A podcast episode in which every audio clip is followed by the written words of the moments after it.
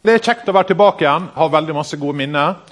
Det var veldig mye flott som skjedde, og veldig mange relasjoner som eh, Når jeg treffer folk her nå, så jeg kjenner jeg jo at det, dere har jo en spesiell plass i hjertet mitt.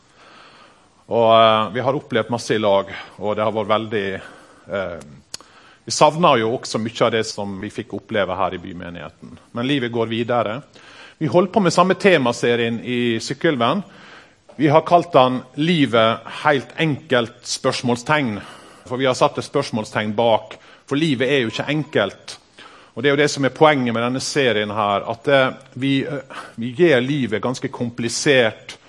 Og Det å leve et liv som er etter Guds plan og tanke og mening, et liv som er fullt, som er meningsfullt, det krever faktisk innsats. Og Det har utfordra meg i denne temaserien. fordi når jeg taler, så taler jeg faktisk like mye til meg sjøl som jeg taler til dere.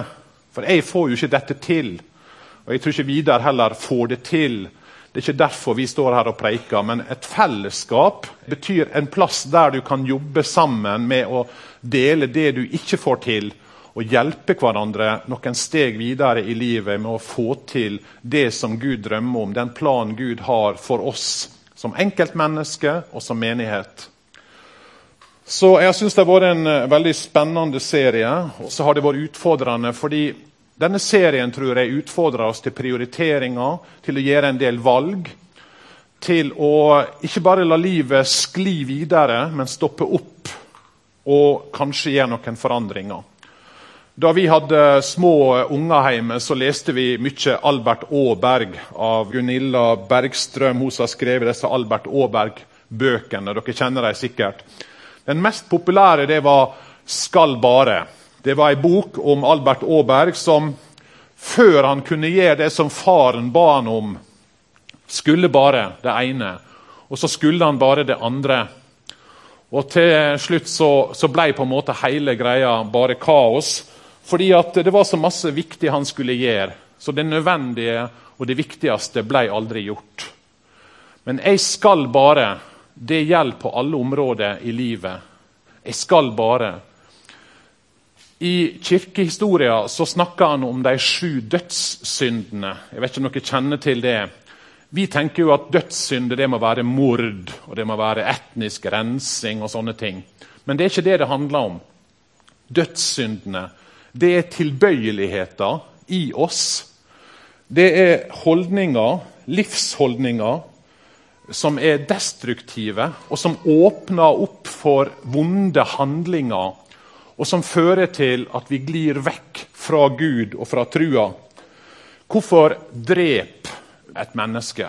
Ja, Det kan være av begjær, det kan være av sinne, det kan være av grådighet, det kan være av misunning.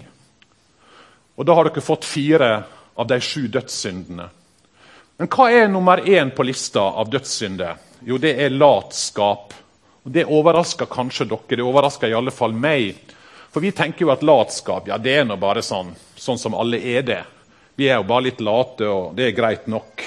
Som en svakhet, og vi ville iallfall ikke hatt den med på toppen av lista. Men jeg tror det er et eller annet med å vite hva du burde gjøre, men ikke gjøre det, som er ganske ødeleggende for livet, og som åpner opp for syndige handlinger. En uh, psykiater som heter Scott Peck, han er professor og har skrevet masse bøker innenfor psykoterapi. Han ville iallfall vært enig med disse kirkefedrene.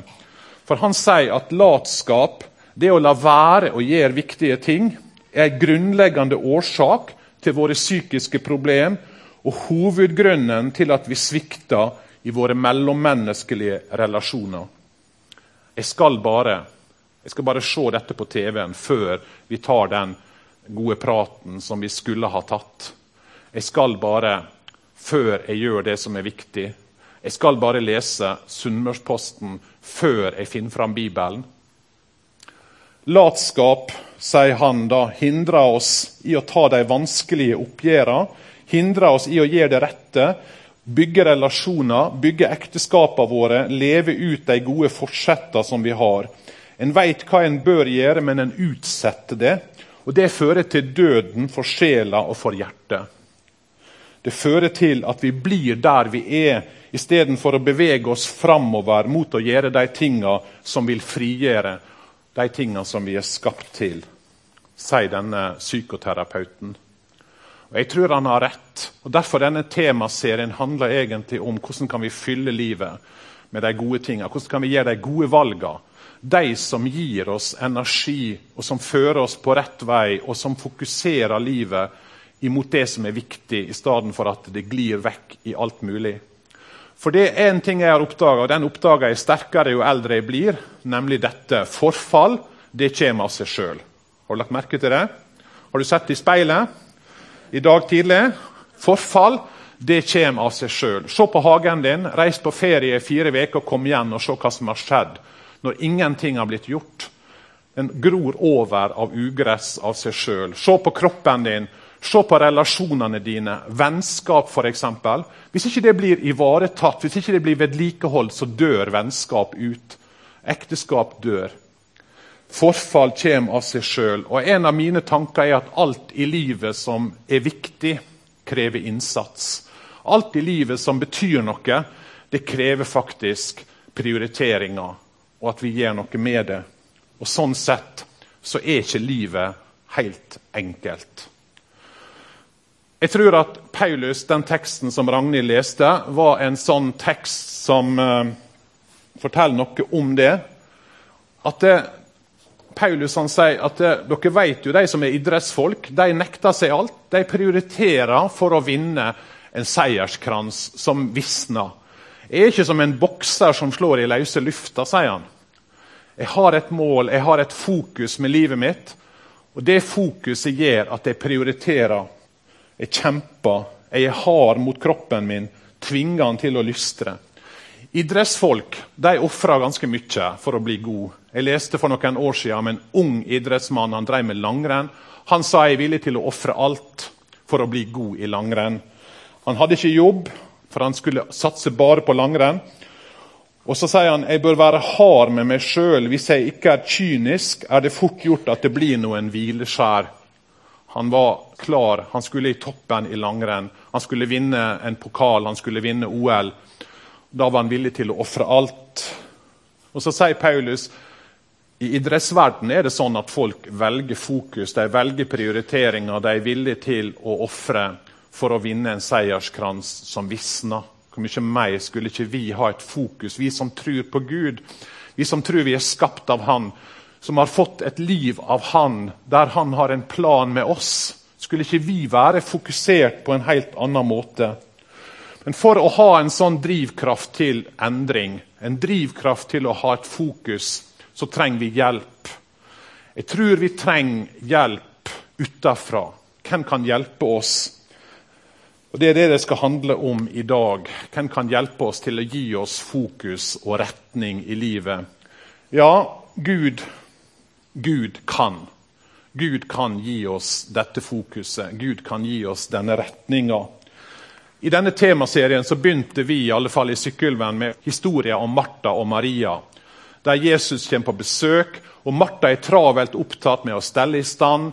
Og blir irritert over at Maria sitter ved Jesu føtter og lytter på han, når hun egentlig burde hjelpe til med å lage mat og gjøre i stand. For det var sikkert ikke bare Jesus, det var tolv læresveiner, og masse folk som fulgte med. Og Martha følte seg overvelda. Og Så går hun til Jesus og så sier hun, kan ikke du si til Maria at hun skal hjelpe meg. Og Så ser Jesus på Martha, og så tror jeg ikke han irettesetter henne. Det er ikke pekefingeren som kommer opp, det er mer Martha, Martha. Det er liksom denne her, Jesus tenker Forstår ikke du, Martha? Du gir deg strev og uro med mange ting. Maria hun har valgt den gode delen. Det er ett som er nødvendig. Det er som om Jesus liksom ser livet til Martha, og så ser han våre liv, og så sier han dere gjør dere strev og uro med mange ting. Og Hvis jeg skal sette en overskrift på mitt liv mange ganger, så er det akkurat det. Jeg gjør meg strev og uro med mange ting. Men det er ett som er nødvendig. Og Maria har valgt den gode delen. Og hva er det Maria har valgt? Hun har valgt et fokus på Guds ord og på det Jesus sier, som gir henne hjelp til å prioritere, også i en situasjon der alt bare er kaos rundt henne. Og Det er jo det som er livet vårt, at det er masse kaos rundt oss og i oss. Hvem kan hjelpe oss til å ha et fokus på hva som er egentlig nødvendig, hva som er egentlig viktig? Paulus han skriver i 2. Timotius om Bibelen, om Guds ord, at du skal holde fast på det du har lært og er overtydd om. Du vet hvem du har lært det av. Og Helt fra du var et lite barn, har du kjent de hellige skriftene, som kan gi deg visdom til frelse ved trua på Kristus Jesus. Hver bok i Skrifta er innanda av Gud og til nytte i opplæring, formaning, rettleding og oppseding i rettferd, så det mennesket som hører Gud til, kan bli fullt utrusta til all god gjerning. Bibelen, sier Paulus, er Guds ord, innanda av Gud, inspirert av Gud, gitt oss av Gud for å sette oss i stand til god gjerning, til det livet Gud hadde tenkt for oss. Så hvordan kan Bibelen hjelpe oss? Ja, jeg tror at eh, vi skulle ha lest den. Det er grunn det første. For Hvis jeg spør har du lest Bibelen, så vil mange si «Mm, ja, jeg har nå lest litt i den. Da vi bodde i USA, familien vår, så til min overraskelse så møtte jeg veldig mange kristne som hadde det som en plan hvert år å lese gjennom Bibelen. Det betydde fire sider per dag ca. Men jeg tenker av og til hvor mye tid bruker jeg på Sunnmørsposten og Sykkelsbladet, som ikke har veldig mye innhold. jeg kan bare si det. Dere går ikke glipp av noe. Tvert imot så var det sånn at når jeg flytta til Sunnmøre, så var en av de tingene jeg savna, Stavanger Aftenblad. Men der er det jo enda mer å lese. Men de hadde som mål å lese gjennom Bibelen. Og Jeg tror vi skulle ha gjort det. Vi skulle ha lest gjennom Bibelen. Der er avsnitt som absolutt er kjedelige, og avsnitt som du absolutt ikke kommer til å forstå men likevel å gjøre det. Mange av disse her som jeg møtte, hadde fast rutine. Lese gjennom Bibelen én gang hvert år. Så skulle vi ha lært Bibelen utenat. Jeg møter jo en del eldre folk. ja Da mener jeg eldre enn meg sjøl. Ehm, sånn skikkelig eldre, da, som er over 70 og 80 og sånn. En del av dem mister jo plutselig evnen til å lese. Hvis ikke du har Bibelen med deg da i hjertet ditt eller i hjernen eh, lagra, så har du egentlig ingenting. Og Så kan jeg av og til komme på BUAS, som er aldershjemmet i Sykkylven. og Så kan jeg lese Bibelen til noen som ligger der, og så ser jeg at leppene begynner å gå. De kan det. Liv Riser hun skriver i Vårt Land, eller skrev i Vårt Land. Hun fortalte om faren sin for noen år siden. Sigvart Riser. Han var en predikant, lekpredikant og forfatter. Skrev masse bøker. Han hadde ei kjær bok, og det var Bibelen. Han var en, en, veldig klok mann og hadde på en måte veldig oppdatert på alle områder. Men Bibelen var det kjæreste for han. Så lå han på, på aldersheimen, og så kom Liv inn til han en dag. og Så ser hun han ligger i senga, og Bibelen ligger opp ned. Så spør hun hva du gjør. Nei, jeg leser i Bibelen, sier han. Ja, Men du holder jo boka opp ned. Ja, svarer faren. Det gjør ikke noe. Jeg kan det som står der likevel. Vil det kunne bli sagt om deg når du er på aldersheimen? For der kommer du også om noen år, selv om du sikkert er litt flere år igjen enn meg. Har du lært Bibelen utenat? Lært de grunnleggende orda som kan være med og prege livet ditt når du ikke lenger kan lese eller kan høre? Men det som vi skal fokusere på i dag, og jeg har hatt dette her en kjempelang innledning Avslutninga er mye kortere, men i alle fall det som er temaet, det som Vidar snakka om. Jeg kaller det for livsvers. Dere kan kalle det litt forskjellige ting her. Men det er vers fra Bibelen som kan være ei rettesnor, kan være et fokus, kan være en slags visjon for det livet som du lever. Hjelpe deg til å holde fast, utfordre deg, gi deg retning, utruste deg til all god gjerning. For jeg tror at det, det å ha noen sånne ord med seg gjennom livet kan være fantastisk bra. Jeg hadde ikke tenkt på det sånn som han, Bill Heibel, som har skrevet denne boka som heter Helt enkelt, og som denne temaserien baserer seg på. Men han bruker et kapittel på dette her. Han forteller litt om sine egne erfaringer med å ha et livsvers. Og når jeg leste det, så ga det egentlig utrolig gjenklang i mitt eget liv. At det har vært noen sånne bibelvers som har hatt en betydning utover kanskje alle andre bibelvers, som også er viktige og bra. I en periode av livet mitt så var jeg veldig usikker på om jeg skulle være prest. Jeg tenkte at jeg har ikke noe å bidra med. Jeg har ikke noe jeg kan gjøre. Kanskje jeg burde heller finne meg noe annet yrke. Kunne jeg av og til tenkt meg å blitt fisker eller gjort noe sånt. I denne situasjonen, da jeg var ganske langt nede, så hadde jeg en prat med to gode venner. Og så var det en av de som i denne samtalen siterte dette verset fra Romerbrevet. For Gud angrer ikke på sine nådegaver og si utvelging. Og Så var det som om dette ordet traff rett inn i min situasjon. Og så ble det et utrolig viktig livsvers for meg i flere år. Gud angrer ikke på sine nådegaver, på sitt kall, sto det i den gamle versjonen. Og så var det et ord fra Gud for meg som jeg kunne holde fast i når jeg tvilte på meg sjøl og på mine gaver og på mine evner, om jeg skulle være prest. Så sier Gud, jeg angrer ikke på mine gaver jeg angrer ikke på det kallet jeg har gitt deg. De siste åra har kanskje dette verset vært et livsvers for meg. Det er Paulus. Han er på vei til Jerusalem. Han vet at han kommer til å bli fengsla og antagelig drept. Han drar likevel. På veien så stopper han i Efesos og så møter han alle de eldste. Det er som om, litt sånn som jeg, Han kom tilbake igjen til den menigheten som han hadde planta i Efesos. Og så sier han dette fantastiske utsagnet i dette verset. For meg er ikke liv eller død verdt å snakke om, bare jeg kan fullføre løpet og den tjenesta jeg fikk av Herren Jesus, og vitne om evangeliet, om Guds nåde. Av og til så tenker jeg skal jeg holde på som prest? Hva skal jeg gjøre? Situasjonen i Den norske kirke, masse uro, masse tanker. Skulle ikke jeg heller bare ha tenkt at nå er det på tide å pensjonere seg.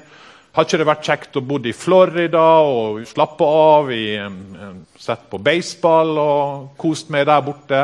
Akkurat når jeg skrev denne preika og skrev disse ordene, så kom det en sånn pling på dataen, en ny e-post. Og det var fra en eiendomsmegler i Florida som tilbydde, tilbydde leiligheter. Jeg tenkte ja, vi gikk fra meg Men Poenget er at av og til så, så mister vi fokus. Vi mister trua på at Gud kan bruke oss eller menigheten vår. At Gud har en tanke for resten av livet. Nå er jeg snart 62, har Gud en plan for meg? Og så tenker jeg på Paulus. og så tenker jeg, Han holdt ut. Paulus sa ikke nei, nå drar vi til Kreta folkens, og så finner vi oss noen strender og så tar vi og samler noen gode kristne venner, og så har vi det bra.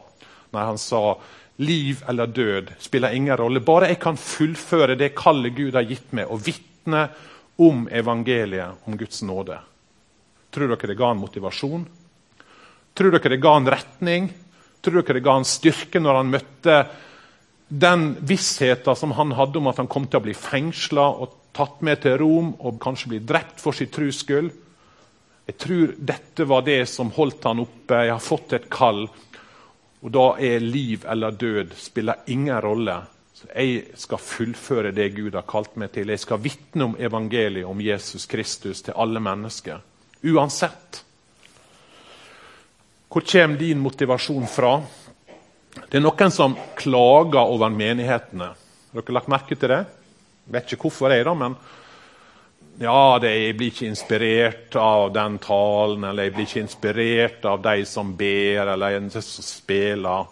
Eller jeg blir ikke inspirert av cellegruppa mi, osv. Hvem skal motivere deg? Er det de andre?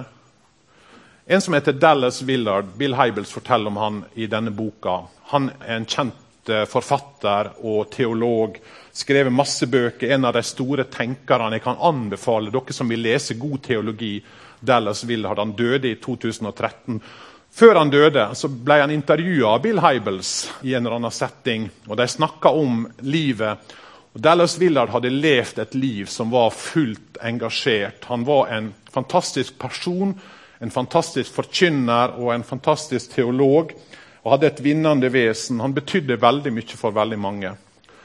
Og så Etter intervjuet så spurte Bill Hybels han er det noe som gjør deg trist, som gjør deg nedfor. Og Uten å blunke så svarte Dallas Willard jeg skal si deg hva som gjør meg trist. Det er at så mange kristne hele tida trenger å bli masa på for at de skal gjøre noe i Guds rike her i verden. Jeg vet om prester sier han, som nærmest må bønnfalle folk om å møte opp på gudstjenestene. Som må bønnfalle folk om å bruke de nådegavene Gud har gitt dem som må bønnfalle folk om å lese i Bibelen og be. Som må bønnfalle dem om å gi tiende eller gi til de fattige. Og jeg kjenner meg igjen. For vi sitter på en måte med ei konsumentholdning. Hvis ikke jeg blir inspirert, ja, da kan jeg like gjerne la være å gjøre det. Og Så rister Dallas Willard på hodet og så sier han til slutt det skulle ikke være sånn. Motivasjonen for en Jesu etterfølger skulle komme innafra. Motivasjonen for en Jesu etterfølger skulle komme innenfra. Du har et ansvar for ditt liv, for din motivasjon til å tjene Gud med de gavene han har gitt deg, med de pengene han har gitt deg.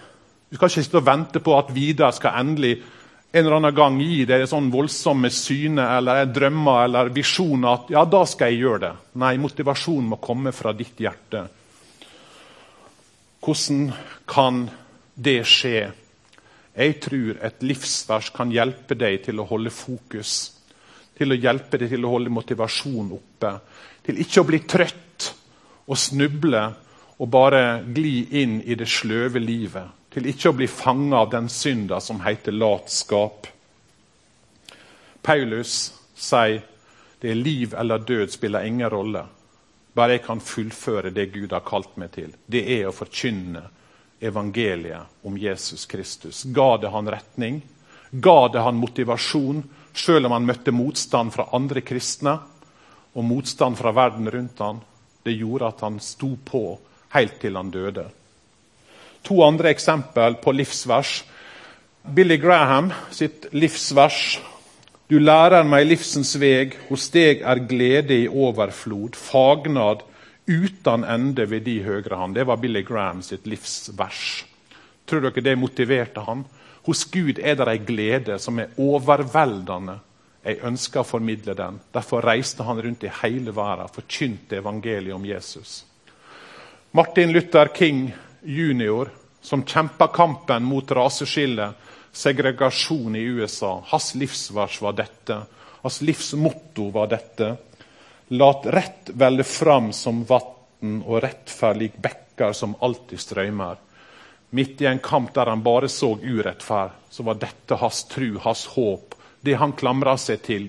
En dag skal rettferd velle fram som vatnet veller fram i ørkenen. Ga det han motivasjon? Ga det han retning? Ga det han fokus? Du kan finne ditt livsvers, kanskje i de ukene som kommer. Be Gud om å vise deg. Be Gud om å gi deg. Tenk kanskje på vers som akkurat nå betyr spesielt mye for deg. La det få være med å prege tankene dine, som du kan hvile i, kanskje. Gi deg retning, gi deg trøyst. Og Kanskje kan det være et vers som vil gi deg retning for ei tid, kanskje noen år. Kanskje det vil være et annet livsvers senere i livet. Jeg tror Gud ønsker å bruke oss. Gud ønsker at vi skal leve liv prega av Han i tjeneste for andre, i fellesskap med andre som tror på Han, i omsorg for de som faller utafor, i en plan som Han har med oss og med denne menigheten og med denne verden som Han har skapt. Men motivasjon trenger du også å feste i ditt eget liv. Bruk Guds ord, det ordet som kan gi deg visdom, skriver Paulus. Det som kan utruste deg til full gjerning til det Gud ønsker for deg, til all god gjerning. Gud ønsker å bruke oss. Det er det fantastiske. Og Han bruker ikke fullkomne mennesker, han bruker helt alminnelige mennesker som deg og som meg. La oss be. Jesus, takker deg for at eh, du kaller oss til å være etterfølgere av deg. Til å gå sammen med deg. Til å få være i følge med deg ta imot av din nåde på nytt og på nytt. Du kaller oss også til å bruke de gavene og evnene og den tida og de pengene du har gitt oss. Jeg ber om at ditt ord skal få lov å prege oss på en sånn måte at vi holder ut. At ikke vi slokner på veien, mister trua, mister gløden.